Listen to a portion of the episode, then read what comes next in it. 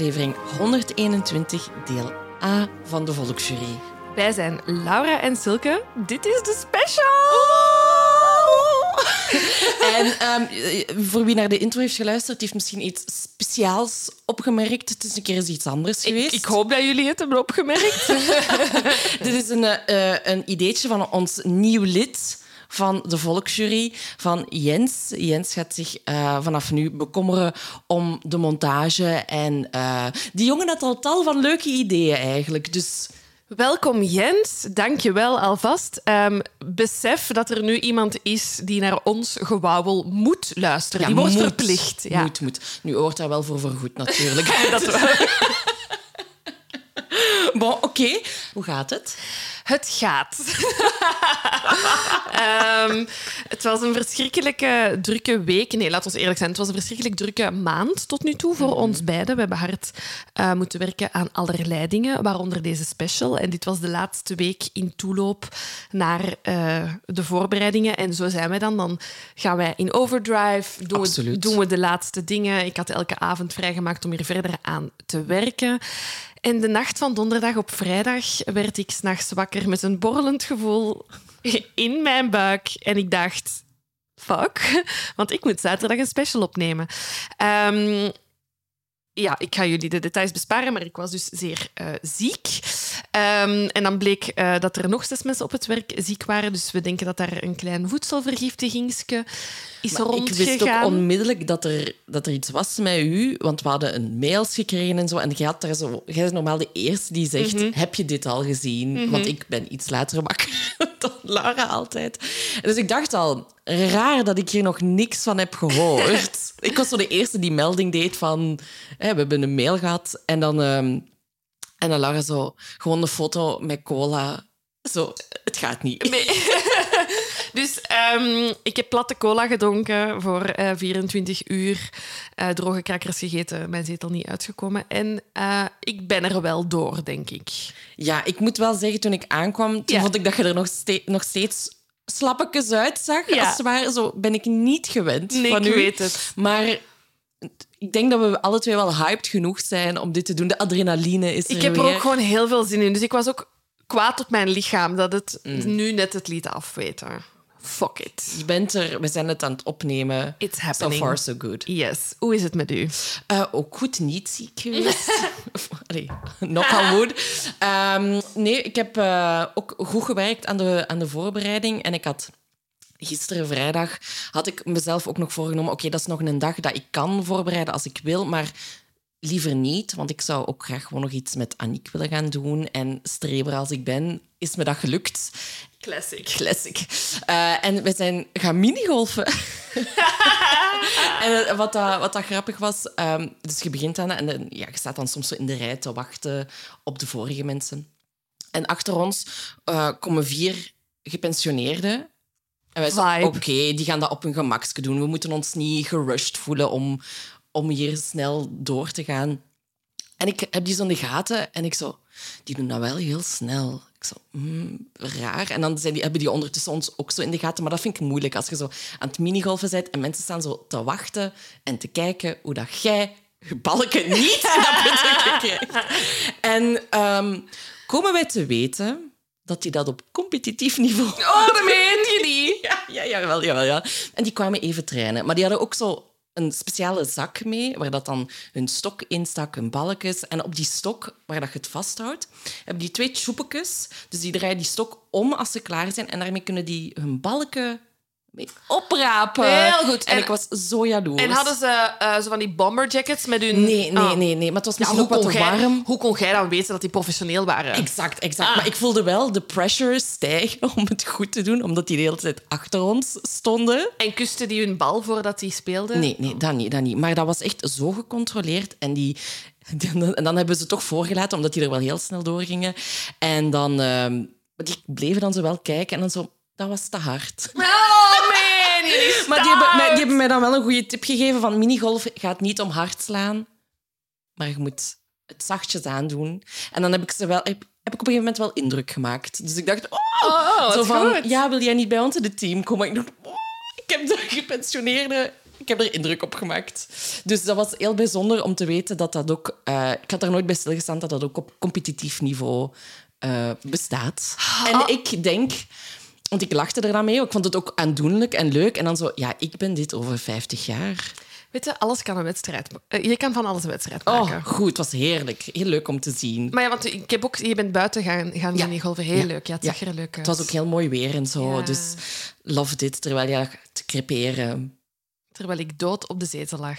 Nu, dood op de zetel ehm, heb ik wel wat tv televisie kunnen kijken. Dat, wa- dat kon ik nog net aan.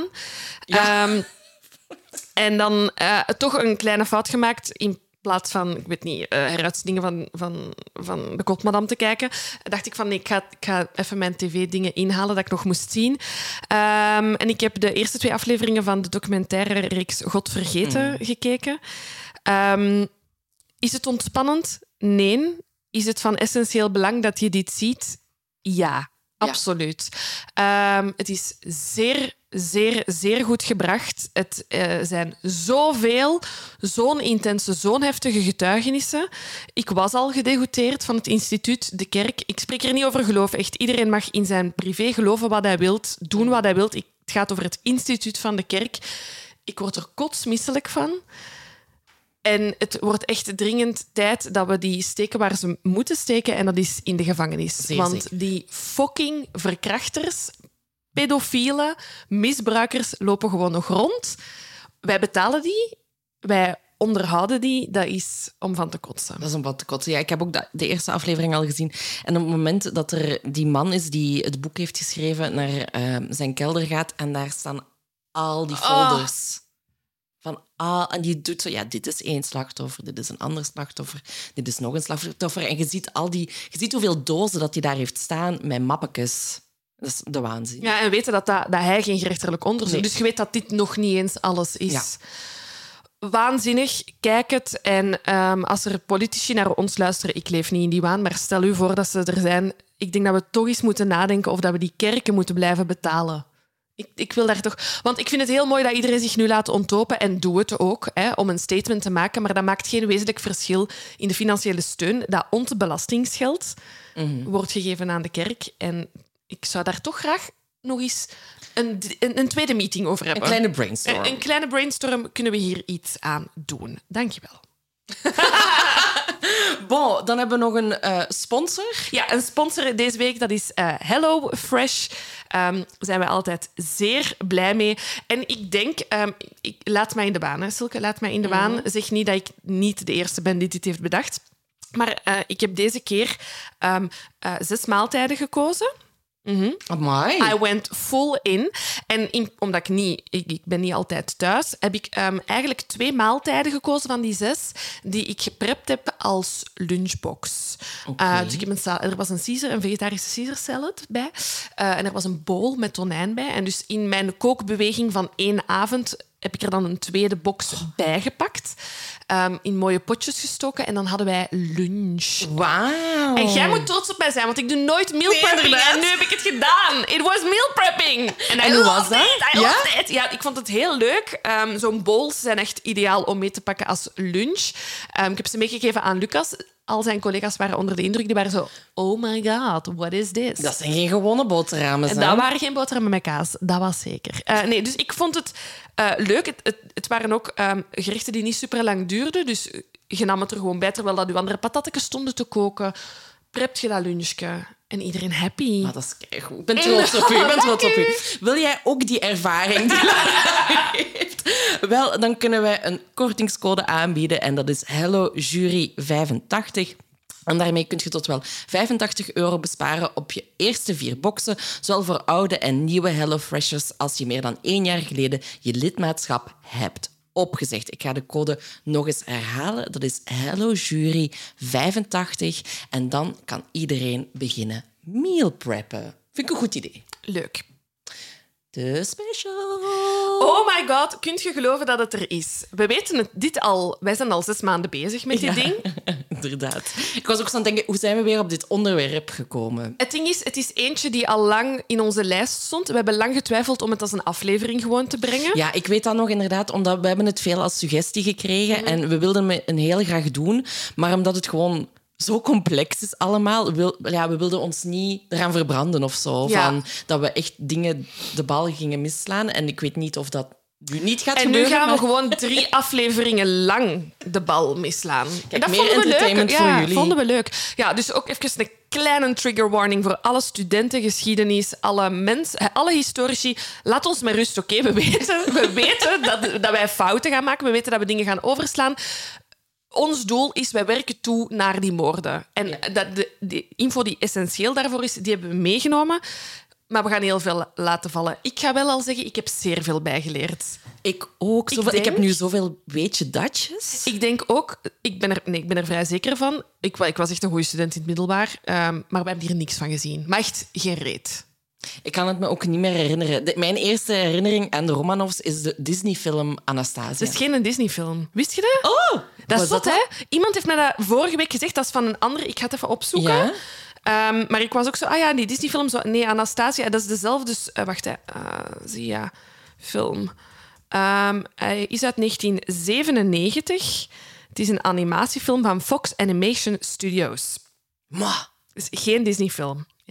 Maar het had een Disney-film kunnen zijn. Het is een Disney-film voor iedereen. Ehm, met het fantastische eh, liedje Als december zal komen. Wat mooi. Eh, daar heb ik echt wel de afgelopen maanden mee in mijn hoofd gezeten. Ja, en het is, het is eh, die film die, waardoor ik het verhaal ook heb leren kennen, natuurlijk. En ik heb die nu... Allee, toen ik een tijdje geleden aan de voorbereiding was begonnen, heb ik hier opnieuw naar gekeken. En ik dacht, oh, het is wel een goede film. Ik heb hem dus nog niet opnieuw gekeken, maar ik ben vanavond alleen thuis. En ik denk misschien als leuke afsluiter dat Ah. Ik hem wel ga kijken. Ehm, maar iets... Ik, de- vooral een van de hoofdpersonages die jullie zo meteen gaan leren kennen, meneertje Rasputin. Daar is iets, die ziet er raar uit hè, in die Die ziet er heel vies uit. Ja, ja, Dus eh, nee, maar ik, ik heb er wel van genoten van die film. Omdat ja, ik wist daar ook niet meer zoveel van, van die film. Omdat ik die heb gezien toen ik klein was. En nu ben ik blij om te weten hoe dat het gaat en hoe dat het echt in zijn werk is gegaan. ja, hoe dat dit geen Disney-verhaal is. Nee, exact, Nee. exact. Ehm, voor, ik heb daar nog een kijktip ook voor. Ja. Ehm, op Netflix staat The Last Tsar. Ehm, vertelt hierover, dat is natuurlijk een beetje gedramatiseerd. Maar het is wel entertaining als je het ook eens met beeld wilt zien. Ja, het is tof. Het is, er is enerzijds reenactment, maar anderzijds zijn er mensen die erin getuigen. Allee, we zijn er alle twee mee begonnen met de research door die reeks te kijken. Allee, Jij hebt gezegd, kijk dat, want dat is echt heel goed. Ehm, en het- ik vind dat het vooral ehm, een menselijke kant van de hoofdfiguren toont. Je leert, je geraakt beter in hun hoofd. Hè. Online kun je heel veel lezen over welke stappen er worden gezet. En, maar eh, wie ze zijn als karakter heb ik wel daar meer uitgehaald Ja. of zo. Ja, en dat is wat we nu ook eigenlijk een beetje gaan doen met de afleveringen. Dus elke aflevering schetsen we eerst het beeld van de context in Rusland, hoe dat het daaraan toe gaat. En dan in het tweede deel van de aflevering gaan we altijd over naar de familie meer. Hè, van hoe dat zij daarin verweven Bewegen, zitten. ja. voilà. Ehm, er is mij verteld dat ik mag beginnen. Jij mag eh, beginnen. Ik wil gewoon nog als allerlaatste zeggen. ehm, de, de hoofdreden voor ons eigenlijk om dit te doen, om deze aflevering te doen, eh, is omdat, en die artikelen leest je als je leest over de Romanovs, zou, eh, we weten, eh, spoiler alert, we weten dat ze sterven op het einde, we weten dat ze vermoord worden, maar er is heel veel te doen rond die figuur van Anastasia, die het misschien zou overleefd hebben. Ehm, Waar ook de niet-Disney-film over gaat. ja, en dat is, het, ja, dat is eigenlijk zo het mysterie dat ons enorm getrokken heeft. Ehm, en daarvoor moet je eh, deel C, zijn. Eh, daar gaan we eh, dieper in op. Heeft Anastasia dit allemaal overleefd en waar is ze dan? Oké, oké. Goed, Dat is voor later. dat is voor later. En dan begonnen we, eh, hebben we een onderverdeling gemaakt van wat we in welke aflevering gingen doen. En Silke zegt nu heel mooi, ja, we gaan dan kort de geschiedenis schetsen en kort zeggen hoe het er politiek aan toe gaat. Dus ik doe mijn voorbereiding, ik maak één pagina. Één pagina vind ik al veel. Hè, over de, de toestand in Rusland voor dit alles plaatsvindt. Eh, ik doe haar document open om eens te kijken hoe dat ze daarna van start gaat. Mevrouw heeft wat, vijf pagina's hierover? Kijk, ik, ik, ik, was, ik zat erin. Ja. Ik ben echt in een soort van rabbit hole gekomen. Ook omdat ik persoonlijk Ja. vond het heel interessant om te weten hoe dat die Romanovs op de troon zijn geraakt. Ja, ja. Ik En ook. ik- maar ik ben iets dieper gegaan. En dat is per ongeluk gebeurd. Ik dacht, oh, dat is leuk, dit is leuk. Oh, ja, moet ik Dus weten. we zijn nu eh 300 voor Christus. Silke, let's go! Breng de mensen al niet in de war. Nee, we gaan eraan beginnen. Ja, naar welk jaartal gaan we dan? We gaan naar de 14e eeuw. Oh, oké, okay, Safa, hè. Dat Safa, was maar safa, drie safa. eeuwen voor ik. Dus ehm, de Romanovs. Die delen hun oorsprong eigenlijk met 24 andere Russische adellijke families. En de stamvader van die adellijke families was een zekere Andrei Kobila, die in de 14e eeuw leefde. Nu, die man die had de titel van bojaar. Geen idee wat een bojaar is. Nu, binnen de aristocratie in, in Rusland was dit de hoogste positie die je kon krijgen binnen de adellijke toestanden. En ehm, die komen eigenlijk meteen na die van grootvorst of prins. Dus dat is een belangrijke mens. Belangrijke mens. Nu, er zijn zo wat... Niemand weet waar dat die man vandaan komt. Sommigen zeggen, die komt uit Pruisen, is vanuit Moskou... Allee, die is naar daar gegaan, naar Moskou in 1341. Eh, en in Pruisen zou zijn vader een beroemde rebel zijn geweest. Meer weet ik daar ook niet over. Ik dacht, zo diep ga ik niet. Vibe, oké. Ehm, nu, in de 17e eeuw dachten ze, we moeten iets aan dat verhaal doen. We gaan iets anders verzinnen. Wat zeggen ze? Hij zou een afstammeling zijn van Julius Caesar. Ik weet niet. Goed. Ik Goed. weet niet. Ik, Ik weet vind het goed. Ik vind het goed. Nu, minder spectaculair zeggen ze, is waarschijnlijk dat ehm, ja, er is gewoon niks bekend over die man. Het enige wat dat ze weten is dat zijn naam Russisch is voor merrie en dat zijn verwanten ook eh, bijnamen kregen van paarden en huisdieren. Vibe, wil ik. Horseboy. Horseboy. Oké. Catgirl. nu, ehm, een van die zonen van onze Kobila, Fjodor. Er gaan de komende minuten heel veel Fjodors, Fjodor passeren. Ja. Die had de bijnaam van kat. Is my guy. is my guy. Nu, ehm, die zijn nakomelingen kregen de achternaam Koshkin, veranderden dat later naar Zacharin. En die familie Zacharin zijn dan weer in twee takken verdeeld. Zacharin Yakovlev en Zacharin Jurjev. Nu, tijdens de regeerperiode van Ivan de Verschrikkelijke werd de eerste familie bekend als Yakovlev. Dus die Zacharin valt daar gewoon af. Terwijl de kleinkinderen bij Zacharin Jurjev hun naam in Romanov veranderden En Waarom? omdat eh, de klein, dat zijn de kleinkinderen van Roman Zacharin Jurjev hebben dat gedaan. Dus er is ergens een Roman geweest en ze dachten, dat klinkt wel goed voor een achternaam. Let's go for Romanov. Zijn we nog mee? Beetje. Beetje. Ik ben blij dat de naam Romanov gevallen is. Waarom doe ik de moeite? voor al onze lieve luisteraars die dit wel interessant vinden. Ja, voilà. Ik vind dit ook interessant, voor alle duidelijkheid.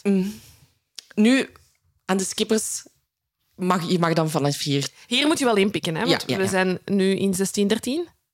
Nee, Oh, oké, wat jammer. 1547. Oh ja, ja, ja. Dit, ja daarmee Ja. begin ik. Ja, heel goed. Nee, nee, doe maar. Ja, je bent goed bezig. Nu, ehm, we hebben dus de Romanov-familie.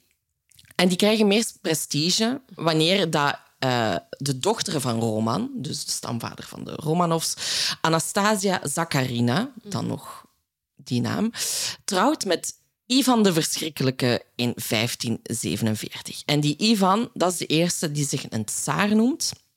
Eh, en dat komt eigenlijk eh, van het woord keizer, van het Latijnse Caesar. Caesar, Ja. inderdaad. En Anastasia wordt bijkomstig de eerste tsarina. Wist, dat was dus het eerste dat ik niet wist. Nee, ik ook niet. Het woord tsaar honderdduizend keer gehoord in mijn leven. Tsarina, never heard of. Nee, voilà. Ik heb nu ook een doel in het leven. Tsarina worden. Tsarina, prima, ik gun het u. Thanks. Nu, maar het gaat niet zo goed, hè, want opeens sterft Anastasia een mysterieuze dood in 1560. En ja, dan komt het echte karakter van Ivan de Verschrikkelijke naar boven. Omdat hij ervan uitging dat eh, ja, de adel eh, ja, Anastasia had vergiftigd. Dus die begon een schrikbewind tegen hen. eh, maar de, de adel dacht, ja, die man is gewoon knettergek. En die beschuldigen hem van paranoïde. En ja, hij zegt van, ja, daardoor zijn ze is hij gewelddadig geworden. Maar het, ja, het gaat van kwaad naar erger. Er vallen duizenden doden onder, of honderden duizenden doden zelfs onder het bewind van Ivan de Verschrikkelijk. Die uiteindelijk komt te overlijden op 18 maart 1584 tijdens een schaakspel. Oh. Vermoed wordt dat hij ook vergiftigd is geweest. Nu, einde Ivan de Verschrikkelijke, er moet een nieuwe tsaar komen. Nu, Ivan had bij, bij Anastasia kinderen, maar de oudste daarvan, die ook genaamd Ivan was, die is door zijn eigen vader vermoord tijdens een ruzie. Super. Heerlijk. Nu, hij had nog een jongere zoon, Fyodor. Eh, die erfde dus de troon, maar Fyodor had een mentale beperking. Dus geen sterke monarch. Wat doen ze? Kijk, ehm, er komt iemand die dat de facto gaat, eh, gaat doen. Hè. Dus ze zeggen wel, Fyodor is aan de macht, maar iemand anders heeft de touwtjes in handen. En dat is een zekere Boris Godunov, en die is aangetrouwde familie van de tsaar.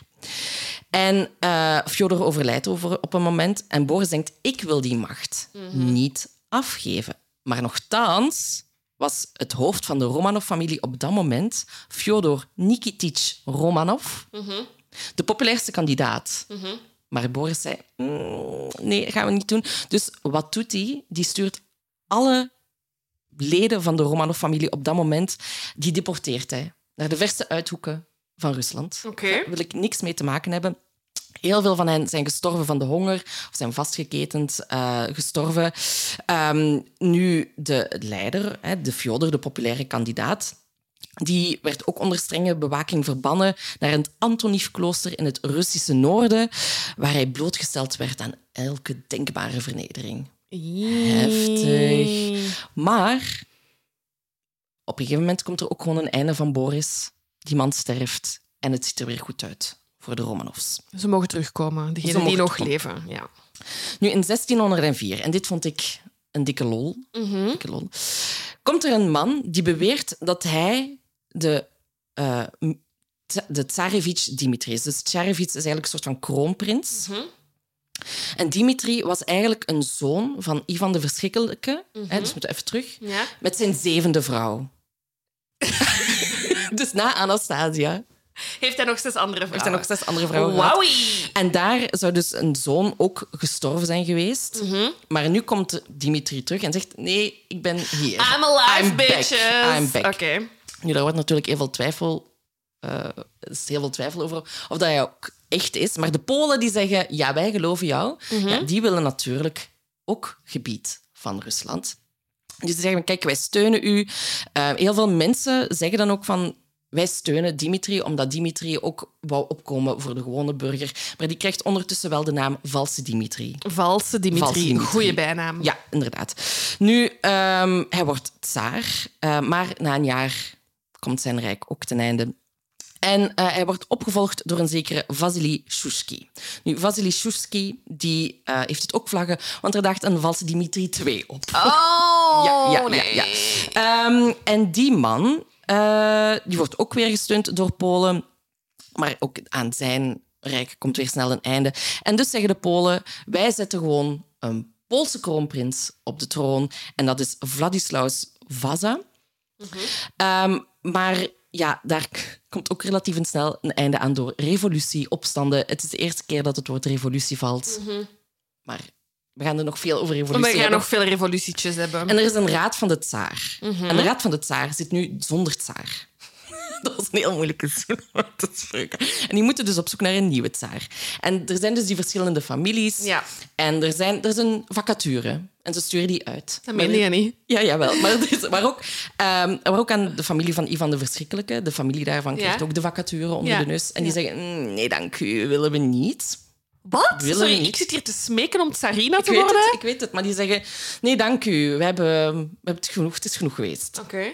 En dan krijgt de zoon van eh Fyodor Nikitic Romanov, de populairste kandidaat, ook de vacature aangeboden. En dat is Michael. Die is op dat moment 16 jaar.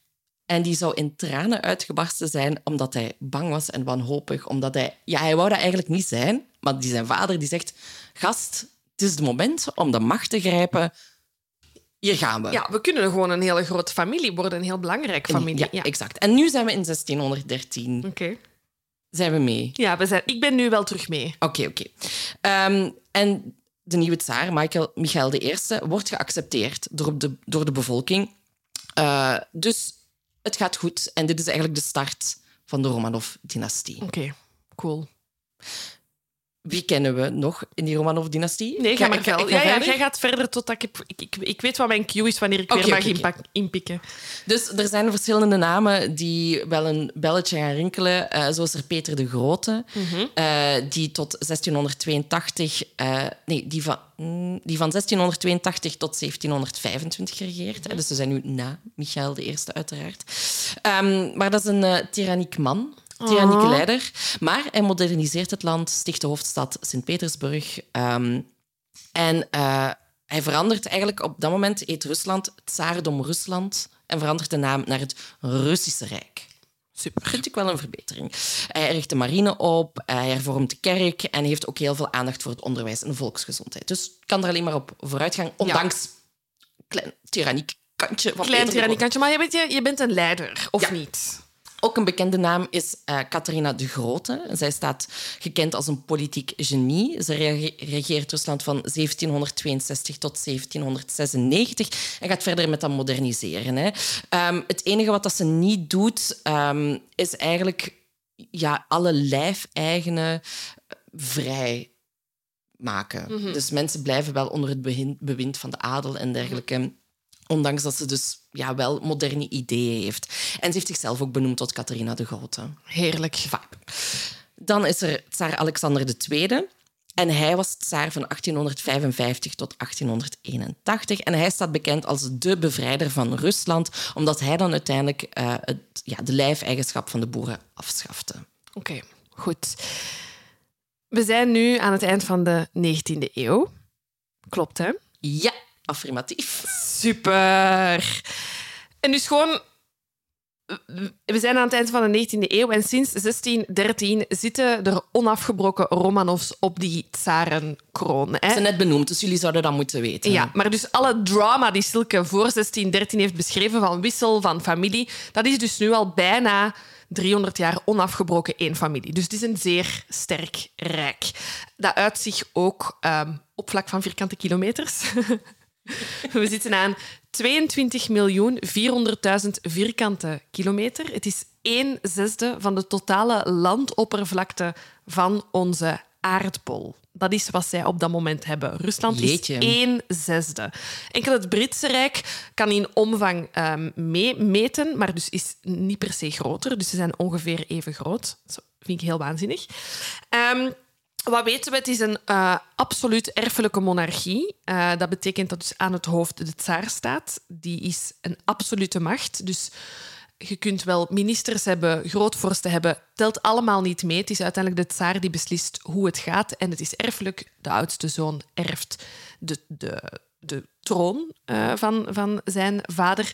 We gaan direct nog zien dat daar wel wat mee geswitcht kan worden indien eh, nodig. Ehm, de klassen in het Rijk. Eh, we zitten in een zeer eh, groot klassensysteem, waarbij dat we dus bovenaan de tsaar hebben. Dan hebben we de adel, daaronder de geestelijke, dan de kooplieden, dan de kozakken en dan de boeren. En die boeren zijn eigenlijk 80% van die hele Russische bevolking.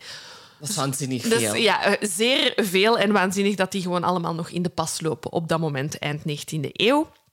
Ehm, wat heb ik hier nog opgeschreven? Het is een zeer etnisch verdeeld eh, groep. Er zijn meer dan 100 verschillende eh, volkeren, maar de grootste groep, 45% zijn eh, de etnische Russen. En de meeste mensen wonen in wat ze toen kenden als het Europese gedeelte van Rusland. Dat zijn alle landen die daar momenteel wel eh, bij de Europese eh, Unie eh, horen, maar toen nog onder het Russische Rijk. Rijk vielen. En dan heb ik een kleine fun fact voordat we aan al de drama beginnen. Namelijk, als we de laatste twaalf tsaren nemen die we kennen.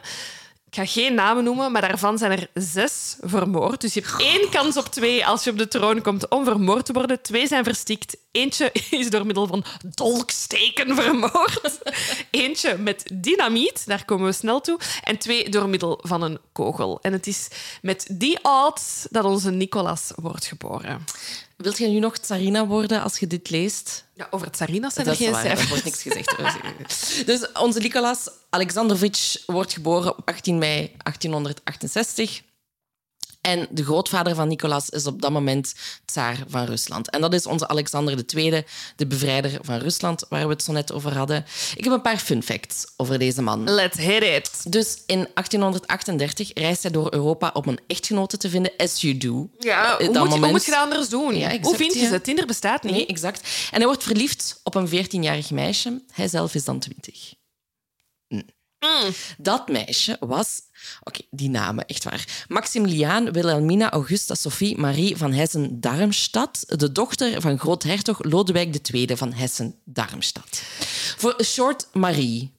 Ik wil ook even zeggen, want Darmstad komt nog een paar keer terug. Ik wist niet dat dit een plek was. Ik dacht letterlijk de mop in het eiland van een fax van Darmstad. Ik dacht dat dat echt een grap Ah, ja, was. komt hij hem voor. Ik dacht dat het een grap was, maar het, het is dus effectief een plek. Het bestaat, ja. En, en, en Darmstad en Rusland zijn big friends. Besties. Want daar gaan ze nog wel een paar keer... In die poelen gaan ze nog wel een paar keer eh, vissen. Nu, ehm, er wordt eigenlijk gesuggereerd dat de moeder van Marie een missertje heeft gedaan met haar kamerheer en dat daaruit Marie en haar broer geboren zouden zijn. Maar dat alsnog de, de groothertog, Lodewijk II, zei van ik ga die erkennen, die kinderen, want ik wil schandalen voorkomen. Maar bon, het zijn geruchten, dat het ja, kan niet Maar bevestigd we zitten worden. al mogelijk met geen adel. Dat is het eerste bloed dat al binnen wordt gebracht. Exact. Dat, eh. Nu, ehm, de moeder van Alexander II, die heeft natuurlijk die geruchten ook gehoord. En die denkt, ja, jongens, dit, gaan we, dit kunnen we toch niet doen. Maar uiteindelijk trouwen die twee. Nu, tijdens zijn huwelijk, Alexander II, die zat niet stil, had veel maîtresses en werd nog vader van zeven buitenechtelijke kinderen. Ehm, en op 6 juli 1880, nog geen maand na de dood van Marie, trouwt Alexander voor een tweede keer. En dat is dan nog wel met zijn minnares Katerina Dolgorovka. En met haar had hij al vier kinderen. Super, hè? Dus ehm, uit dat huwelijk komt dus ook... allee, uit het eerste huwelijk komt eh, Alex, ook Alexander, de vader van Nicolas. Ja.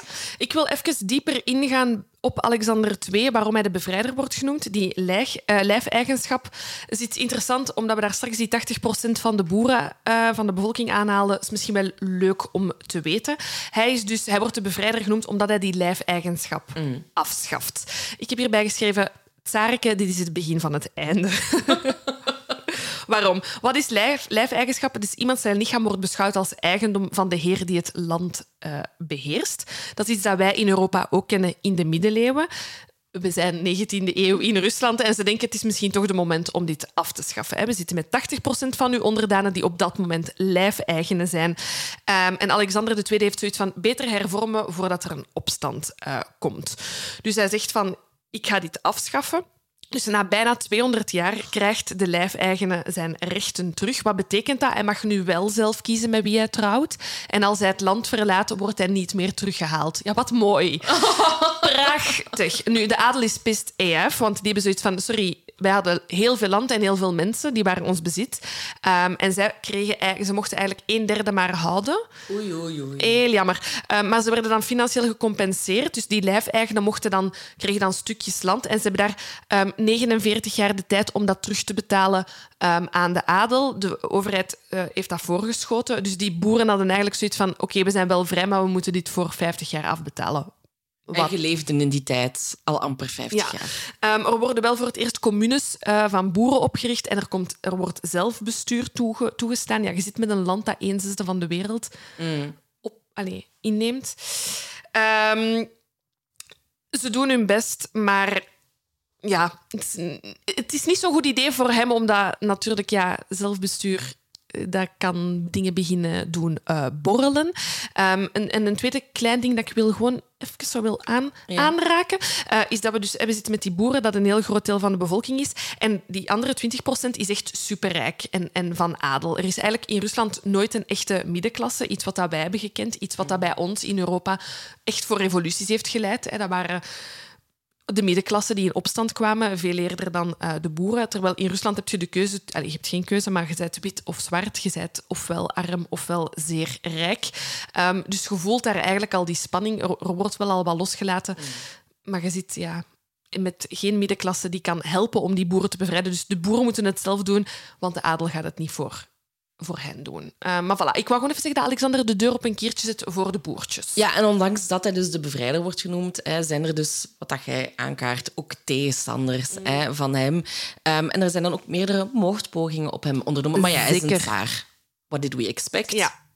En hij is op 13 maart 1881 onderweg uh, naar een manege voor het uh, militaire appel. En dat deed hij jarenlang elke zondag. Hij reisde daarvoor in een gesloten koets, vergezeld door vijf Kozakken. Kozakken zijn trouwens is ook een etnische mm -hmm. groepering binnen Rusland. En die waren supergoed te paard en met uh, zwaarden en dergelijke. Een soort van mi militaire politie? Ah, wel, en zij, de, de tsaar zei van... Kijk, jullie mogen jullie cultuur behouden als jullie soldaten ja. leveren ja. voor mij. Ja. Dus dat was zo wat de deal. Dus daarom dat die Kozakken erbij zitten.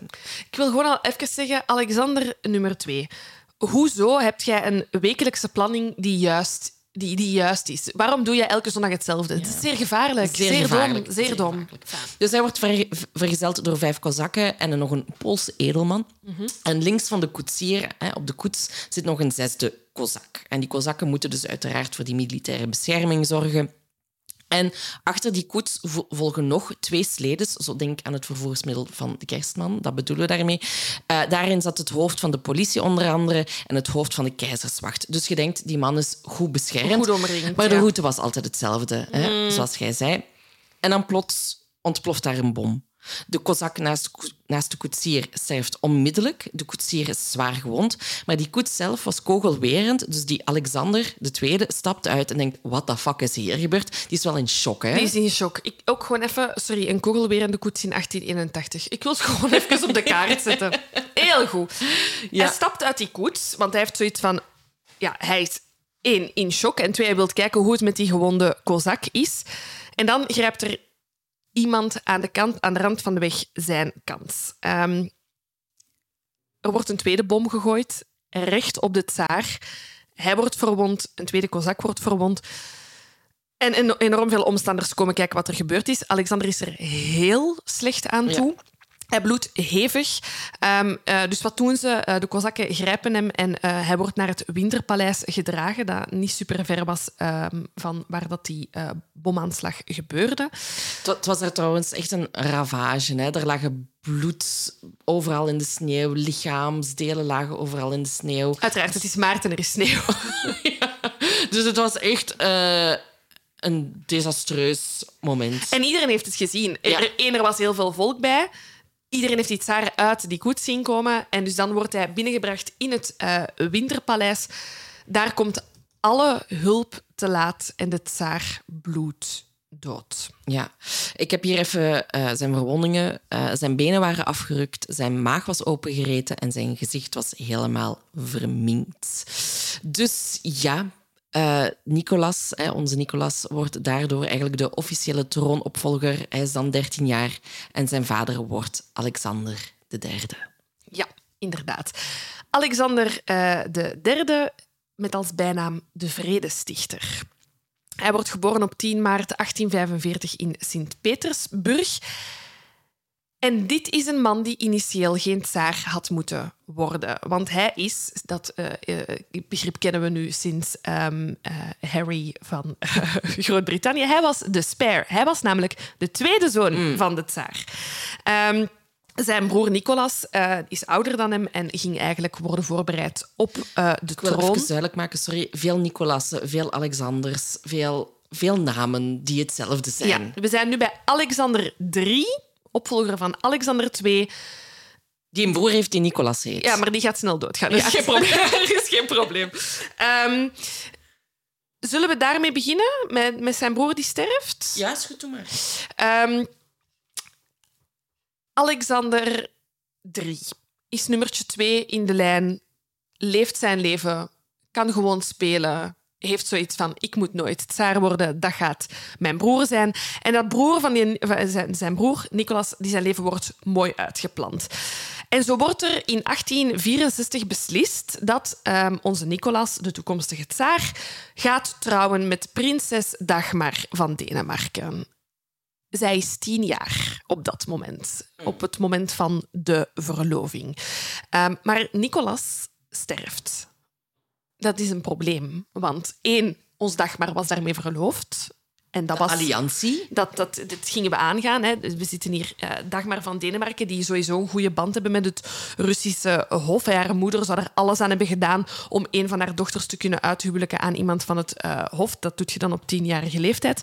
Ehm, dus eh, op het moment dat Alexander III opvolger wordt. Hij wordt bekendgemaakt van, oké, ja, jij gaat tsaar moeten worden. Ah ja, en daar komt trouwens ook een echtgenote bij. Dus hij is zelf ook zeer jong en hij krijgt die nieuwe, ver, die oude verloofde van zijn broer direct eh, toegewezen. Dus er wordt eigenlijk op heel jonge leeftijd beslist dat Alexander III eh, de verloofde van zijn broer overneemt en dus met Dagmar van Denemarken gaat trouwen. Maar ik heb wel gelezen dat Alexander III daar heel blij mee was. Ja, hij is tien, tuurlijk is hij blij. Maar hij was in het geheim al lange tijd verliefd op Dagmar. als kind. Maar ik weet dus niet hoe oud hij hier is in deze anekdote. En dus hij- dat hij heel erg blij was met het besluit dat hij met Dagmar moest eh, trouwen.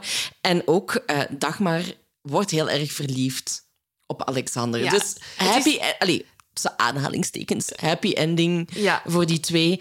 Ehm, en ze heeft zich dan ook eh, moeten dopen tot de Russisch-Orthodoxe kerk. En vanaf dan krijgt ze de naam Maria Fyodorovna. Ja. Ehm, wat voor iemand is Alexander III als eh tsaar? Ja, hij is aanwezig bij de moordaanslag op zijn eh, vader. Dus heeft best wel wat trauma opgelopen als uw vader zonder benen wordt binnengebracht in het Winterpaleis. Lijkt mij. Ehm, en we weten dat dus Alexander II eh, versoepelde een beetje zijn beleid. Ehm, en met die moordaanslag heeft Alexander III zoiets van... Jesus, je ziet, dat komt ervan als je versoepelingen doorvoert. Dus hij doet eigenlijk het tegenovergestelde en hij heeft zoiets van... We gaan die autonomie terug inperken, want anders gaan er alleen maar meer revolutionaire ideeën komen. Hij begint eigenlijk, het eerste wat hij doet, is alle liberaal gezinde ministers van zijn vader ontslaan. Al die bevoegdheden van die zelfstandige eh, regio's worden ehm, ingetrokken. Ehm, hij begint controle uit te voeren op het onderwijs, eh, zodat hij weet wat dat er Oh. ge- gepredikt wordt. Ja, inderdaad. Ehm, en hij vindt ook dat hij zich nog eens moet opwerpen als beschermer van de orthodoxe kerk. Hè. Dat is de staatskerk in Rusland. Uiteraard, we zitten hier nogmaals met een zesde van de wereld. Daar zijn nog mensen met een ander geloof, zoals het eh, jodendom en het katholieke, het rooms-katholieke geloof.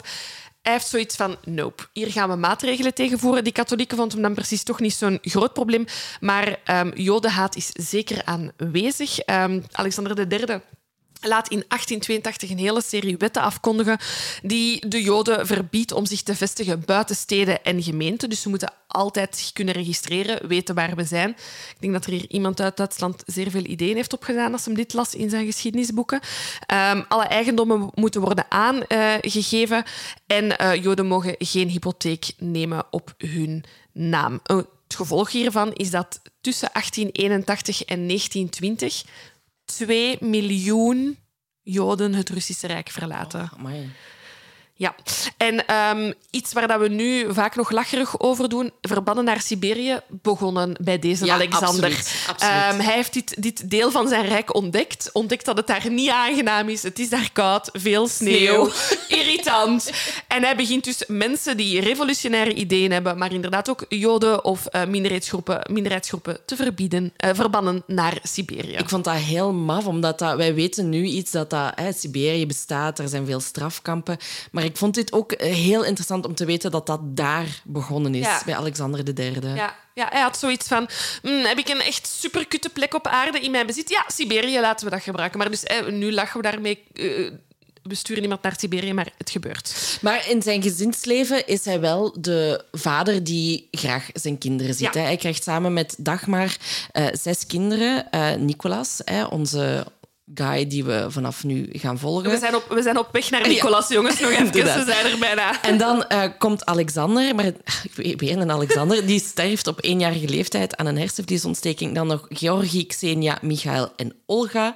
En ehm, fun fact over de naam van Nicolas. ehm, ja, die wordt dus eigenlijk genoemd naar de broer van Alexander III, die eigenlijk verloofd was met zijn moeder. Ja, ja, cute. Wow.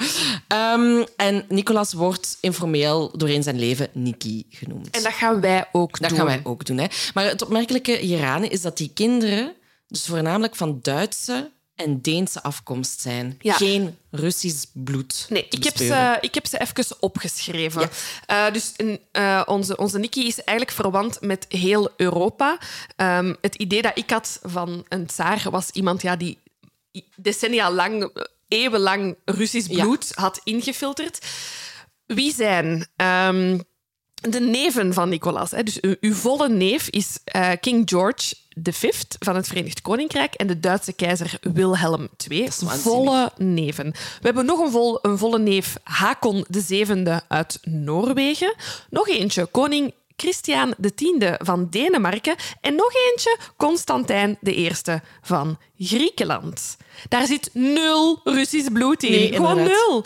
Ehm, ik ben dan even gaan ehm, nakijken. En het dichtstbijzijnde etnisch Russisch familielid van onze eh Nikki is grootvorstin Anna Petrovna. En zij is de dochter van Peter de Grote. Dus we zitten hier 150 jaar terug. Daar is de laatste Russisch bloed doorgegeven. Dus eigenlijk is dit gewoon een uber-Europese vorst. Ja. Ja. Nu, eh, totdat de, zijn grootvader van Nicky een horrordood stierf door de bommen, had Nicky eigenlijk niet zoveel om zich zorgen over te maken. Hè. Hij leefde een, goed, een, fijn leven en zo, maar na die dood, eh, ja, je zei het al, Alexander III eh, hij schakelt alles terug. En die sluit zichzelf ook meer op samen met zijn gezin. En die verhuizen dan uiteindelijk naar ehm, het Gatchina-paleis op 30 kilometer ten zuiden van Sint-Petersburg. Sint-Petersburg had toen ook nog een andere naam, maar we hebben de huidige naam. Ja, we gaan eens bespreken over Sint-Petersburg, Moskou. Als we weten wat de huidige naam is, dan gebruiken we de huidige naam.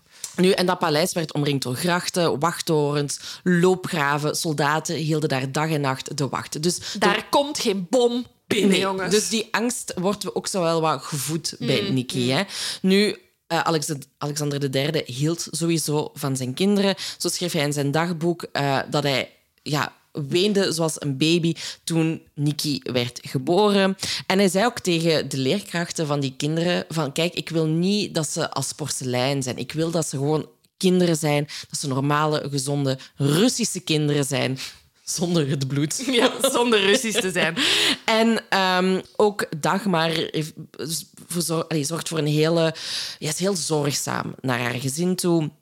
En ehm, ja, Alexander III heeft natuurlijk... Ja, Ni- Niki is zijn opvolger. Dus hij krijgt wel... Hij wordt daar wel een beetje in onderwezen, maar het gaat meer dan over... Hij zorgt ervoor dat Niki ook die conservatieve ideeën meekrijgt, die religieuze waarden, en dat het natuurlijk een autocratie moet zijn. Ehm, nu, het enige probleem is... Nikki is heel erg goed in geschiedenis en buitenlandse talen, maar niet in economie en politiek. Ik snap dat, Nicky. Ik, ja, ik heb ben- hetzelfde probleem. Same, same. Dus zijn vader heeft hem, allee, die, die onderricht hem daar ook niet echt in van oké, hoe moet je strategisch zijn of hoe werkt die politiek. Die doet dat allemaal ook niet. Ehm, maar ze hebben ook zoiets van oké, Alexander III is op dit moment nog maar in zijn veertiger jaren, dus komt goed. Tijd zat. En we, Tijd le- zat. we leren niet uit de fouten van het verleden. Het feit dat iedereen wordt vermoord, dat gaat niet met mij gebeuren. Nee, voilà. Maar aan de andere kant was Alexander ook, maakte zich ook wel een beetje zorgen over Nicky. Hij zag die jongen graag, maar hij vond hem zo wat te zacht en te naïef. Dus hij dacht, ik weet niet of dit een hele goede tsaar gaat worden, maar we zullen wel zien. Dit ligt nog ver in de toekomst. Ja. En dan leert Nicky op zijn zestiende Alex van Hessen-Darmstad kennen. Darmstad, hier zijn we weer. Ja. Ehm, Alex is... Ehm, 12. Eh, eh, op dat moment 12. jaar. bedankt om dat nog eens even te zeggen. Ik wou zeggen, is de zus van Elisabeth de bruid. maar ook 12 jaar, dat klopt. Ehm, en ehm, een grootvorst, de zoon van... Dus eigenlijk de nonkel van Nicky gaat trouwen met de zus van Alex eh, van Darmstad. Zij is Elisabeth. En Nicky gaat dus ehm, mee... Trouw vindt plaats in Darmstad, wat trouwens een mini groot hertogdom is. ze naar Rusland kwamen. Het maakt niet uit. Er wordt getrouwd. Er wordt, ge- er wordt getrouwd. Ik wou gewoon nog even zeggen dat Darmstad een... ehm, dus op dat moment was Duitsland Duitsland nog niet. Ehm, en had je verschillende kleine groothertogdommen. En dit is er eentje, want het is best klein. Het is, Ja. een, het is een zeer klein Duits koninkrijk, maar ze leveren wel veel bruidjes af. Laat ons, eh, laat ons dat wel eh, stellen. Dus de nonkel van Nicky trouwt met Elisabeth. ehm, en Nicky is 16 en ontmoet op die trouw daar de 12-jarige Alex. En hij heeft zoiets van... Nice. Ja. Mag hè? 16 en 12 kan. Ja? Nee. Mag, mocht je dan niet verliefd worden op, op een 12-jarige? Er is nog een veel te groot verschil Maar voor 12 mij is dat 16. eerste middelbaar en ja, nee, ja, nee, je hebt gelijk. Nee, je hebt gelijk. Maar ik snap, eh, je kunt wel zeggen, hm, dit is de eerste keer dat hij iemand ontmoet. Hè. Ik bedoel, die, komt dat, die burgt niet uit. Eendert welke andere Ja, vrouwen, maar daar was hij ook verliefd op geworden. Even zeggen wie Alex is. Ja, ja, ja. Ehm, wel, En Alex... ik, wou dat wel doen, maar niet zo. En nu ga ik zeggen wie Alex is.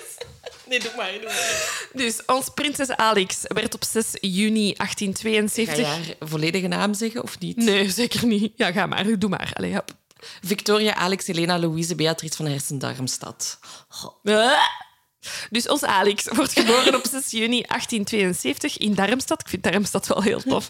Ehm, fun fact, zij wordt op 1 juli Luthers gedoopt en haar doopgetuigen waren onder andere haar toekomstige schoonouders. Ja? Zeker Oh, wel. Ehm, ook de Britse kroonprins Edward. Ehm, maar dus Tsaar Alexander en zijn echtgenoot Maria, haar toekomstige schoonouders, zijn haar doop Ja, bizar. heel raar. Ehm, ze heeft drie oudere zussen, Victoria, Elisabeth en Irene, en twee oudere broers, Ernst, Lodewijk en Frederik. Ernst Lodewijk is één persoon. Ehm, en nog één jongere zus, Marie. Eh, Daar hebben we het daar straks al eh, over gehad. Ehm, bijzonder aan Alex is, is dat zij ehm, verbonden is ehm, via haar eh, mama-kant van de familie aan het Verenigd Koninkrijk. Ze spendeert heel veel tij- tijd op Balmoral Castle in Schotland. Dat kennen we, want dat is waar de Queen gestorven is vorig jaar. Ehm, ze is een heel vrolijk kind. Ze krijgt de bijnaam Sunny. En ze zou met haar grootmoeder, Queen Victoria, die dat ook wel eens de grootmoeder van de Europese eh, vorsten wordt genoemd, omdat zij al haar kleinkinderen heeft verspreid over alle vo- vorstendommen van Europa, eh, een hele hechte band hebben. Er wordt zelfs gefluisterd dat ze het favoriete kleinkind was van Queen. Victoria. Ehm, ze was zeer gelukkig tot haar moeder stierf en ze is dan een, een beetje een ingetogener eh, kind geworden en is meer op zichzelf teruggetrokken geraakt. Ja, dus en uiteindelijk komen we dan, als ze dan 12 is, bij die trouw terug. Maar het is geen liefde op het eerste zicht voor haar. Hè. Hij heeft zoiets van... Ja, ze- hij heeft zich misdragen. Allee, Hij, hij, zij vindt niet... Hij vindt, wacht, sorry. Zij vindt dat hij te snel gaat. Hij komt meteen eigenlijk heel erg snel op haar af van... Hey, I like you. En Ja. zij heeft zoiets van... Wow, wow, dit is niet wat ladies doen. Nee, nee, Als ik hier nee. nu aan toegeef, dan ben ik niet ladylike. Dus zij ketst de bal af. Maar Nicolas, onze Nicky, zal echt jarenlang naar Alex smachten. Maar ondertussen, het leven gaat verder. Als hij 19 is, gaat Nicky bij het leger. Eh, een jaar later, eh, als hij 20 is, slaat het noodlot eigenlijk voor een eerste keer toe. Hè. Eh, op 17 oktober 1888 zit hij in een trein samen met zijn vader en de rest van de familie. En die trein crasht. Twintig mensen komen daarbij om het leven, 16 raakten gewond. En volgens de verhalen zou Alexander III het dak van de ja, ingestorte wagon eigenlijk omhoog houden, zodat heel zijn familie kan ontsnappen. En het is eigenlijk voor de eerste keer dat Nicky aan de dood ontsnapt. En voor de rest raakt niemand van de keizerlijke familie gewond. Maar dit maakt al zeer veel indruk op Nicky. En een jaar later, in 1889, staat Alex opnieuw aan de deur. Dat is dus vijf jaar na hun eerste ontmoeting. Alex is nu 17. Super, laten we, dat is echt heel goed. Heel goed. En zij dacht eigenlijk dat zij gewoon haar zus Ella kwam bezoeken, eh, of Elisabeth kwam bezoeken, die dus ondertussen getrouwd is. En, eh, maar eigenlijk werd er toch gekeken van, zou ze een goede bruid zijn of niet? Hè? Ehm, maar de ouders van Nicolas, van onze Nicky, zijn niet enthousiast, want onze Alexander de derde, die wou een alliantie tussen Rusland en Frankrijk. En Alex had natuurlijk die Engelse roots. En ja, bon, tussen Engeland en Frankrijk Dat is nooit goed gegaan en dat gaat nooit goed komen. Nee, voilà. Dat gaan we loslaten. Dat gaan we loslaten. Hè. En daarom had Alexander III een andere vrouw in gedachten voor Nicky, namelijk de prinses van het huis van Orléans. En niemand durfde Alexander eigenlijk op andere ideeën te brengen, ook Nicky niet. Dus die dacht, oké, ik ga er wel in mee. Maar uiteindelijk zegt hij van, slaat hij dat voorstel af. Maar hij zegt van, kijk, dan ga ik gewoon geduldig wachten totdat ik Alex wel kan krijgen, totdat hij zijn zin zou krijgen. En hij legt zijn lot in de handen van God. Hij zou er wel voor zorgen dat die twee samen zouden kunnen komen.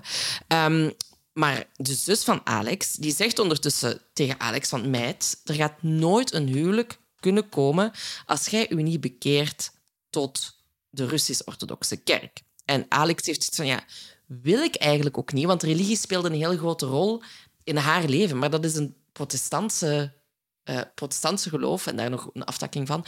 Dus zij heeft zoiets van, ja, oké, dan niet. Nee, dus God is terug. belangrijker dan de liefde. Maar Nikki blijft erin geloven. Ja. Nikki blijft er echt vo- in vol, strong. volharden.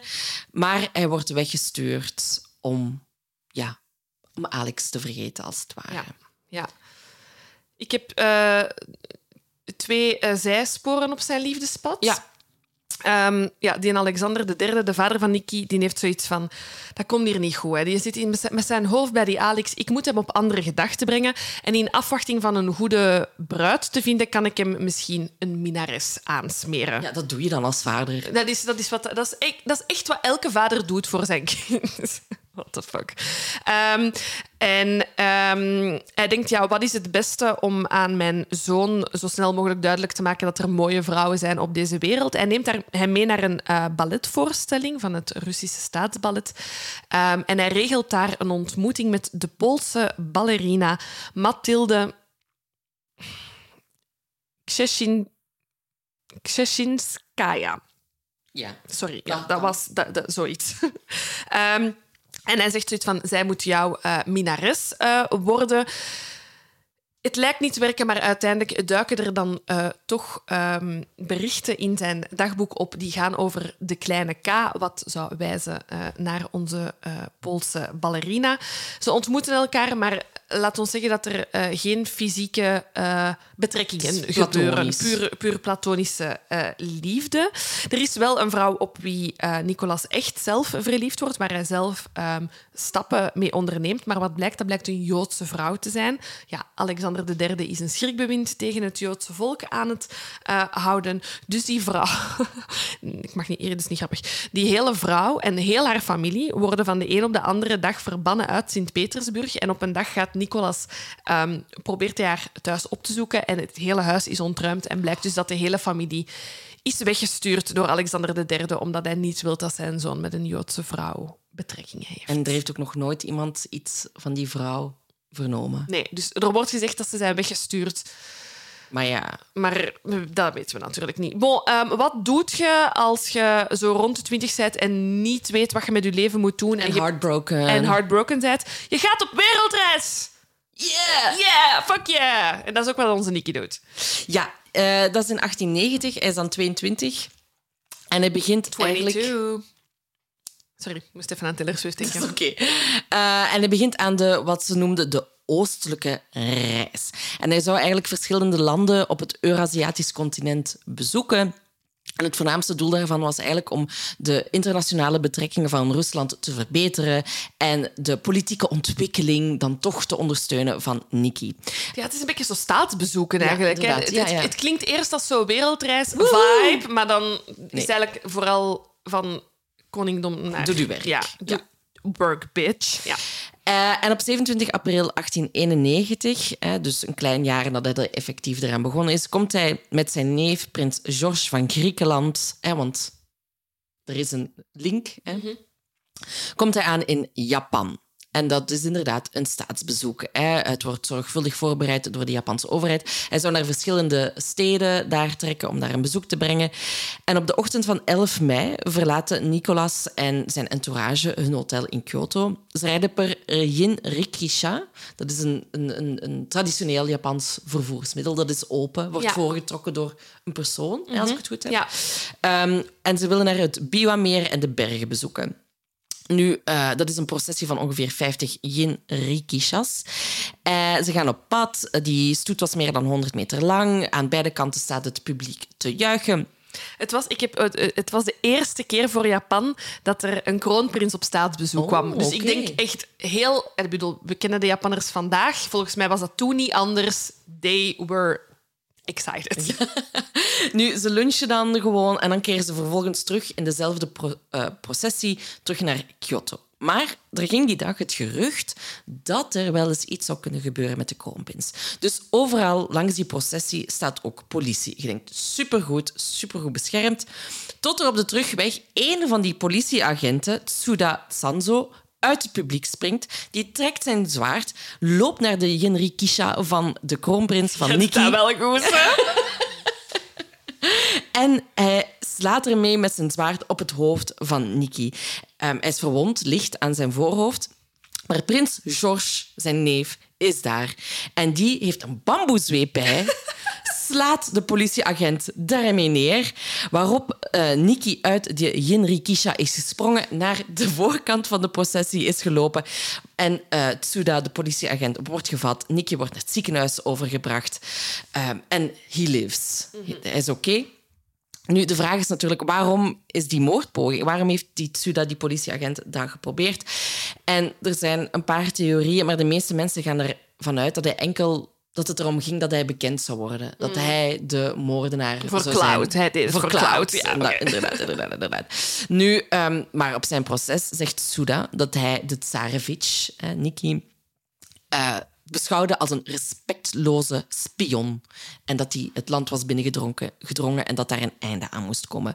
Nu, eh, wat zijn motief ook was, de Japanners waren daar niet happy om. Nee, en, dan, Absoluut en wat dan? Japanners die zijn wel echt streng. Hè, dan. Dus eerst wordt Ja. hij al veroordeeld tot een levenslange gevangenisstraf. Maar dan wordt er dus ook beslist dat in het dorp waar dit gebeurde het verboden is om zowel de naam Tsuda, de voornaam, als Sanzo eh, te schenken aan uw kind. Dus dat mag gewoon niet meer. Nee. Terecht. Het terecht, zo, Terecht. zo handel je. Ehm Nikki daarentegen, die eh, eh, is uiteraard super hard in shock van alles wat er gebeurd is, maar die beschouwt dit als een voorteken. Voor hem is dit de tweede keer dat hij aan de dood ontsnapt. Hè. We hebben die treinramp waar dat zijn vader zogezegd het dak heeft eh, vastgehouden. Ehm, en nu een, weer een moordaanslag op zijn leven. En hij begint zich in te beelden dat hij onder de bescherming van God staat. En hij denkt, sorry, ik heb al twee keer de dood overleefd. Ik zou dan denken, ik moet vanaf nu in een gouden kooi worden rondgedragen. Maar hij heeft zoiets van, ik ben onoverwinnelijk. Ik ga niet sterven. Ik ben gemaakt om tsaar te zijn. Dit is, Dit is... dit is waarvoor ik ehm, leef. Fun factje over de reis. Ja, doe maar. Ehm, dit, ik geloof dit nog altijd niet. Ja, als ik denk waar dat je het over hebt... Ik geloof dit niet. Bon, Nicolas, de tsaar Nicolas, de toekomstige tsaar Nicolas, laat op zijn reis in Japan een tatoeage zetten. En niet zomaar een tatoeage. We spreken hier niet over een klein infinity-teken, geen klein golfje op die enkel. Nee, hij gaat voor zijn hele rechter onderarm een hele grote draak tatoeëren. De tatoeëerder... Vibe. Ja, een enorme vibe. Ehm, Shout-out naar de Japanse tatoeëerder Hori Shio, die dit deed. Ehm, ik heb nog niet gezocht naar de foto's. Ik hoop dat ik er een foto van vind. Ik- Ja, ik heb het ook nog niet gezien. Maar ik vind dit de Ik ga het waanzin. eens even onder opzoeken. Wacht een secondje, hè. Jongens, we komen hierop terug. Nicolas 2 tattoo. Tattoo. Direct een foto? Hier, hè. Ja, dat is, dat is geen kleine tattoo. Dat is een draak. Dat, is een draak. Heel goed. Het is, het is echt alleen de draak die zo kronkelt over zijn voorarm. Ja, we gaan eh, bij elk deel van de special Met de sowieso... waanzin. Als toekomstige tsaar denkt dit is een goed idee. Dit is een goed idee. Ik doe dit. Vibe. Zou je daar spijt van gehad hebben? Nee. Ik denk het ook niet. Nee, zo is Nicky niet. Nee. Zo is Nicky niet. All right. Hij komt terug naar huis. Maar er is nog steeds toch nog een leegte in zijn hart. Ja, hij heeft een tattoo op zijn arm, Het maar het niet hart is niet gevuld. En ehm, in april van 1894, hè, dat is dus vier jaar nadat hij zijn wereldreis begon, gaat hij naar Coburg. Die naam rinkelt ook wel een klein belletje. Dat zit in onze familienaam van ons Ja, koningshuis. voilà. Eh, en hij gaat naar de trouw van de broer van Alex, van Ernie. En plots, daarna, schrijven de kranten dat die twee verloofd zijn, Nikki en Alex. Ja, um, laat ons stellen dat er heel wat mensen niet content zijn uh, hiermee. Om te beginnen, Queen Victoria, koningin der koninginnen, is fel gekant tegen het huwelijk. Zij heeft zoiets van, sorry, jij gaat niet met een rust trouwen en helemaal in Sint-Petersburg wonen. Jij moet dicht bij mij blijven. Jij moet kunnen naar Balmoral komen Knuffelen. wanneer ik dat vraag. Maar ook de ouders van Nicolas zagen dit huwelijk absoluut niet zitten. Alex is op dat moment nog altijd niet bekeerd naar het uh, Russisch-orthodoxe geloof. En dit is zo schoonmoeder. De tsarina heeft schrik om invloed op haar oudste zoon te verliezen aan zijn vrouw. Mm. Maar, het maar eens moeten gebeuren. Er is een groot probleem, want er is wel dringend een huwelijk nodig. Het gaat heel slecht met de gezondheid van Alexander III. Die heeft een uh, nierziekte. Er wordt gefluisterd dat hij heeft opgelopen na dat treinaccident waar dat hij die mm. trein heeft op, om, omhoog gehouden. Hij zou toen een stomp in zijn zij hebben gekregen. Dus langs de buitenkant was er niks te zien. Maar daarna zijn zijn nierproblemen begonnen. Zijn gezondheid gaat achteruit, achteruit, achteruit. En, Ale um, en Nicky kan geen tsaar worden als hij geen vrouw heeft. Of Ja. toch geen bijna vrouw. Dus er moet wel snel een verloving volgen. En uiteindelijk zijn de ouders van Nicky de eerste die toestemming geven om het huwelijk te laten plaatsvinden, die toch toestemmen voor die verloving. Ja, en Alex bekeert zich dan uiteindelijk ook tot het uh, geloof. Uh, wat dat ze eigenlijk in eerste instantie niet wou. Hè. Nu, dat is in april. En tegen de herfst, ja, Alexander III, de dood is zeer nabij. Ze zeggen van, kijk, hij heeft nog twee weken te leven. Dus uh, Alexander III zegt, ja, kijk, Niki, kom naar het paleis. Uh, wij moeten babbelen. Dus ze arriveren daar. maar ja, ze hebben hem nog twee weken gegeven, maar het is al na tien dagen eigenlijk dat hij sterft. Hij is dan 49 en Nikki is amper 26 jaar en hij is de nieuwe tsaar van Rusland. Hè? Wetende dat die man de afgelopen vijf jaar op wereldreis is geweest en dus niks heeft meegekregen van politiek. Hè, waar, daar, daar hadden ze zogezegd nog zoveel tijd voor ja. om hem te helpen, om te weten hoe dat een land werkt. Het enige wat hij op dit moment in zijn leven heeft bereikt is een drakentattoo, not mad. En hij heeft wel gelukkig een vrouw, um, of een toekomstige Een vrouw, verloofde. een verloofde. Ja. Ja, um, Alexander III is wel gestorven in de armen van zijn vrouw en ook in het bijzijn natuurlijk van zijn dokter. Dus dat is wel, die man is niet alleen gestorven. Dat vind ik dan wel weer een mooie gedachte. Heel mooi. Maar het zouden geen Russen zijn als het niet opfokken. Silke, wat gebeurt er? Ja, dus die man die sterft in de Krim. We weten ondertussen allemaal waar de Krim ligt. Die man Dat vind ik, dat vind ik wel heel vlot van u. Ja, weten de mensen waar de Krim ligt? Ik ben aan het bluffen, want ik... maar het ligt ver van Sint-Petersburg. Ja. Alleszins. Ik ga het nu toch even opzoeken, want ik wil dit nu wel Het ligt aan het water, hè? want dat is waarom dat het zo Ja, belangrijk is. Hè? Eh, de Krim is, is het een- schier, schiereiland van Oekraïne, hoe dat we het nu kennen, hè, aan de, in de Zwarte Zee. Bon. Ja, want dat is de, gro- het grote trauma van Rusland toen en vandaag, is dat ze eigenlijk heel weinig toegang hebben tot de zee.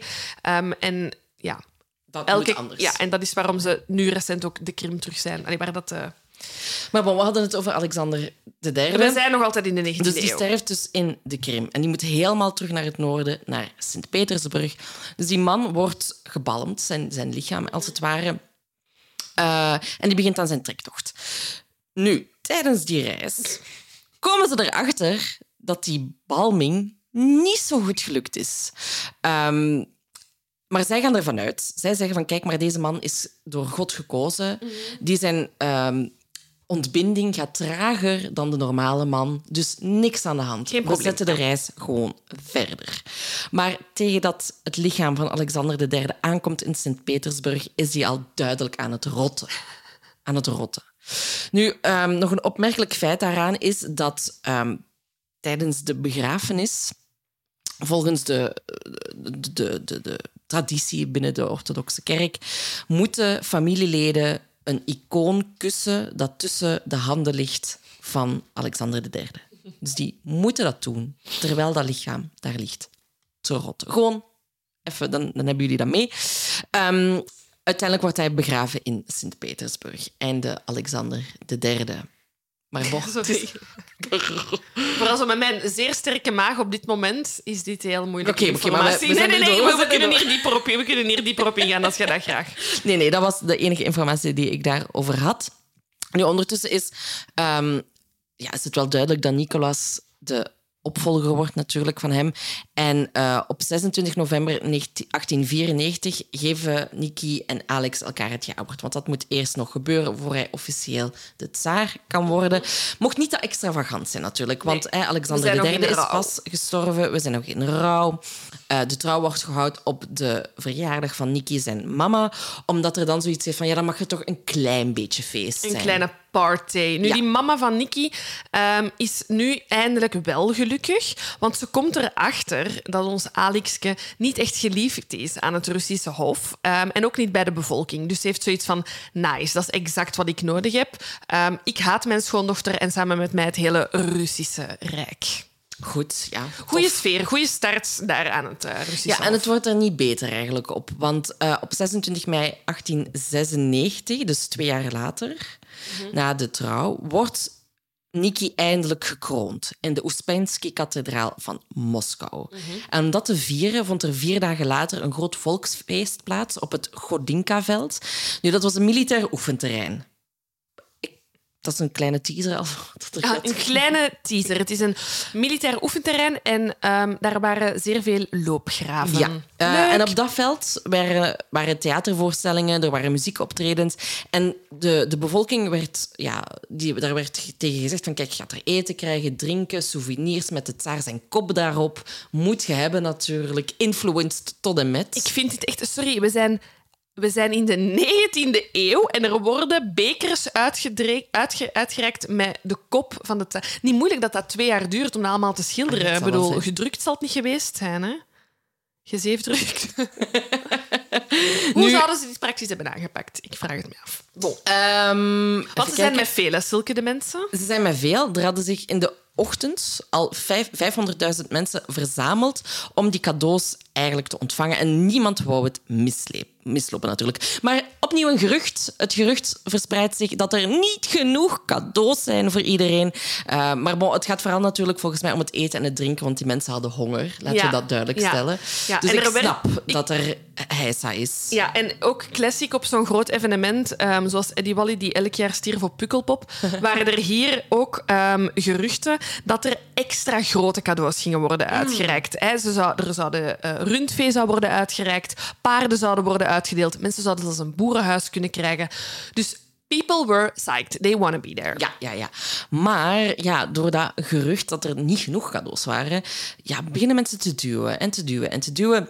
En we hebben ook de loopgraven die daar dan zijn. En mensen vallen daarin, mensen worden vertrappeld, die stikken, raken gewond. De aanwezige agenten waren er niet toe in staat om orde te behouden. Um, er zijn 1389 doden gevallen en 1300 gewonden. Dus Super dat kan tellen. Ja. Nu, diezelfde dag nog, Nikki en Alex horen wat dat er gebeurd is. Alex heet ondertussen trouwens Alexandra. Mm Want dat gebeurde omdat ze, zich, omdat ze nu getrouwd waren. En uh, die bezoeken nog de gewonden in de ziekenhuizen. De gewonden kregen duizend roebel uit het privévermogen van de tsaar en nam de kosten van de begrafenissen voor zijn rekening. Dus je denkt, oké, die man is, is ermee bezig, die is goed bezig.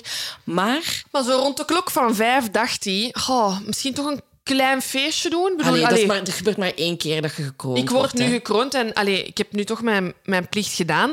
Uh, op de Franse ambassade was er die avond een bal georganiseerd voor de kroning van de tsaar.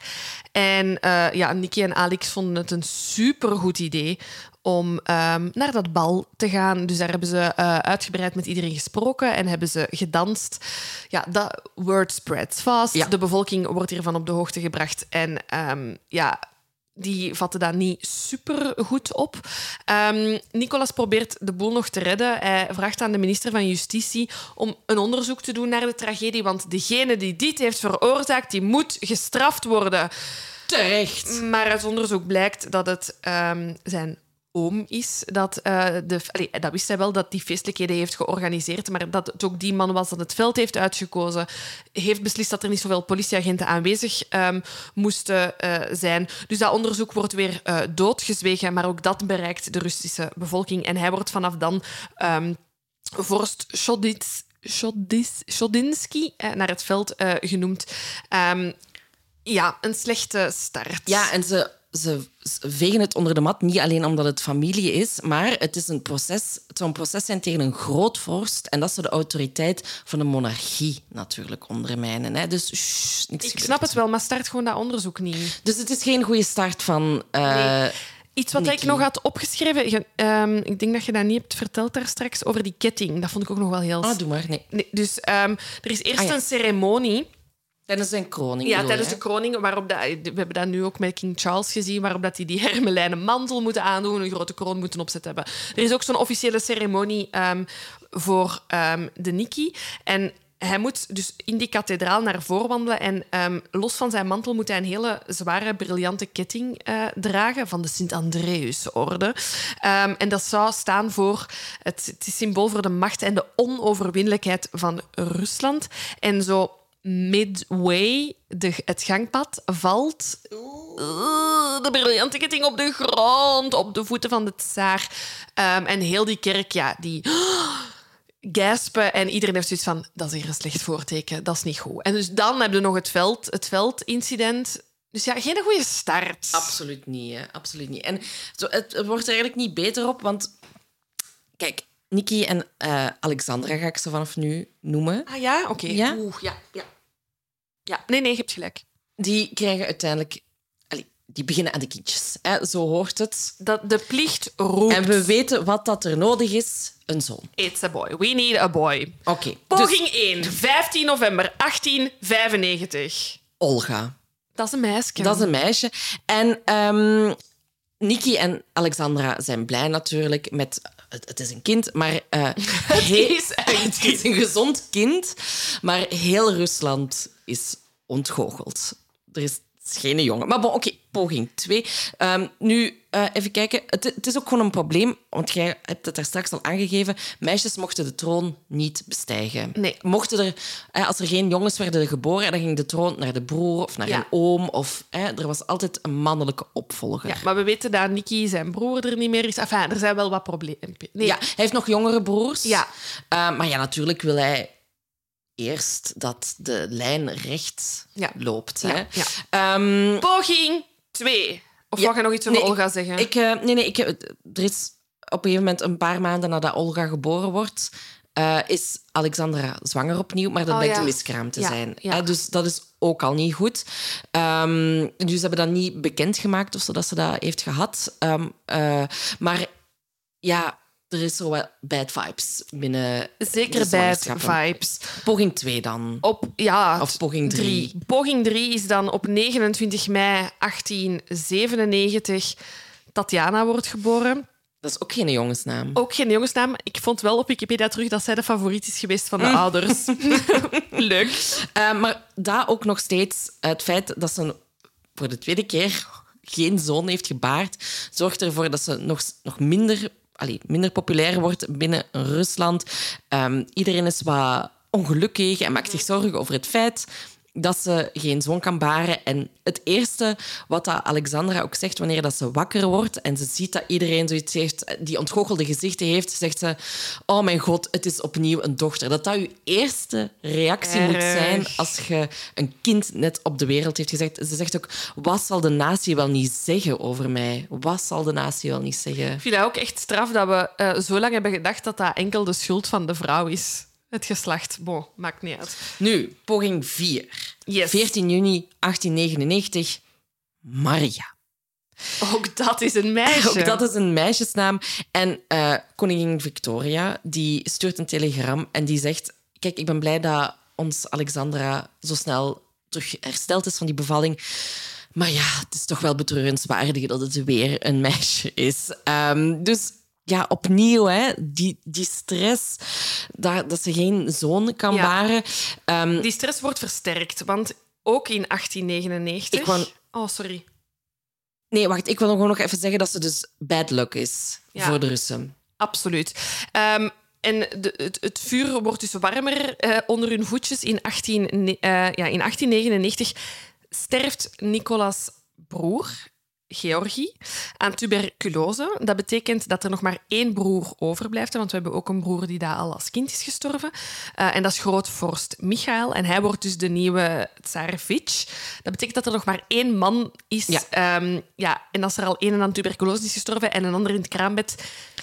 De, de, het, de, de kansen slinken. Absoluut, absoluut. Dan, ik ben de tel kwijt, poging 5. Ja, poging 5. Op 5 juni 1901 wordt geboren Anastasia. oh, de horror voor die, voor die vrouw. Dus um, het, zij roept ook uit, of nee, de zus van Nikki roept ook uit: Mijn god, wat een teleurstelling. Een vierde meisje. Dat is de waanzin. Um, They're so loved. en de Russen, de, die beginnen door te hebben, of die beginnen te zeggen van kijk, uh, God houdt niet van de keizerin, want anders zou hij haar al lang een zoon hebben geschonken. Dus bon, Alexandra en Niki zitten met de handen in het haar. En dan een uh, nicht, geloof ik, uh, Militsa Nikolaevna, die introduceert Alexandra uiteindelijk tot een mysticus genaamd Philippe Nizier Vachon. Dat is een Fransman, heeft geen licenties whatsoever om mysticus te zijn, maar hij beweert dat hij magnetische krachten heeft om het geslacht van de baby in de baarmoeder te veranderen. Die Alexandra en Niki denken, Wat een- deze man hebben we nodig. Dit is de man die we nodig hebben. Ik vind het... Ja, het- het- Ik snap het volledig. ik snap het, tuurlijk. Ik bedoel, de, 1 zesde van... Ik ga het blijven eens. Ik vind 1 zesde gewoon een waanzinnig cijfer. 1 zesde van de wereld kijkt naar u en verwacht een zoon. Die druk moet zo, zo waanzinnig groot zijn. Ehm, dus los daarvan richt ze zich tot eendert welke mystieke priester die dat daar kan helpen. Hè. Ze gaat extreem veel naar de kerk. Ze begint superveel te bidden. En het enige wat ze wil, het enige wat ze nodig heeft en wat ze aan die heilige heel de tijd vraagt, is een zoon. Ja, een zoon. Ja, een kind heeft al. Een zoon. Kinderen Ja. genoeg, Silke. Stop met die kinderen. Nu, ehm, in 1901 lijkt het erop dat Alexandra weer zwanger is. En onze mysticus Philippe, die zweert bij hoog en laag. Er zit een baby in die buik. En het is een jongen, Zeker zegt en hij, vast, zegt zeker hij. en vast. Maar uiteindelijk blijkt dat ze helemaal niet zwanger is. Dus Philippe is daar even de mist ingegaan. Ehm en ja, ze willen dus natuurlijk... Ja, niet, dat is een, een kle- een klein gênant schandaal natuurlijk, dat Philippe dat gezegd zou hebben. En eh Philippe wordt terug naar Frankrijk gestuurd, want eh, dit was niet goed. Dit was niet goed. Philippe. Maar een jaar later, in 1903, komt er een nieuwe mysticus in het, in, in het vizier. En dat is een zekere Serafim of Sarov.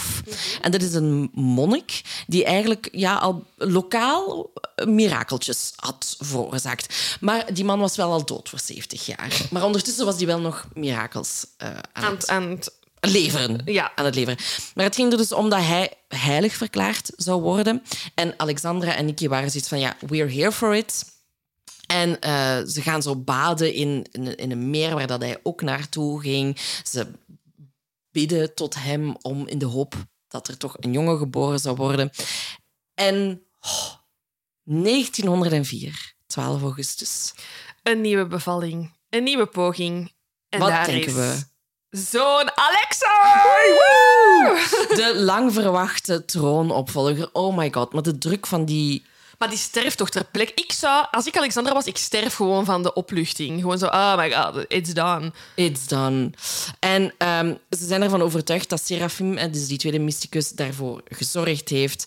Ehm, en ze zijn dus eigenlijk ook nog steeds dankbaar voor Philippe, want hij heeft hen in, allee, In de heeft goede richting geduwd. in de goede richting geduwd. En ja, Alexei wordt de favoriet van het gezin eigenlijk. Iedereen is super blij dat hij er is. Ehm, maar eigenlijk vlak na zijn geboorte stellen ze vast dat er iets mis is met Alexei. Ja, want ehm, zo gaat dat bij een bevalling. De navelstreng wordt doorgeknipt. Ehm, en dat bloedt, en dat bloedt, en dat bloedt, en dat blijft niet. bloeden. Dus de bloedziekte hemofilie wordt vastgesteld. Ehm, wordt ook wel eens de familie, eh, de, de koninklijke eh, ziekte genoemd, eh, omdat het door verschillende koningshuizen getroffen was. Alexandra heeft zoiets van, ah ja, that would be me. Ehm, haar broer is eraan gestorven, haar oom Leopold is eraan gestorven. Dus via haar bloedlijn, waarschijnlijk via koningin Victoria, is het ehm, in het DNA eh, van Alexandra geraakt. En nu is haar zoon en de troonopvolger ermee ehm, aangetast. Wat weten ze? Ze weten dat het in die tijd vrijwel onmogelijk is om iets te doen aan hemofilie. En de meeste patiënten sterven uh, op vrij jonge leeftijd. Dus Nicolas' enige zoon zal waarschijnlijk nooit volwassen worden. Dus beslissen Nicolas en Alexandra om de ziekte verborgen te houden voor het volk. En daar stoppen we voorlopig even met deze cliffhanger. Dit was deel A. Wat krijgen we in deel B? Deel B uh, gaan we in meer op de ziekte van Alexei en verschijnt er een mysterieuze figuur aan het hof van de. Tot zo! Dag!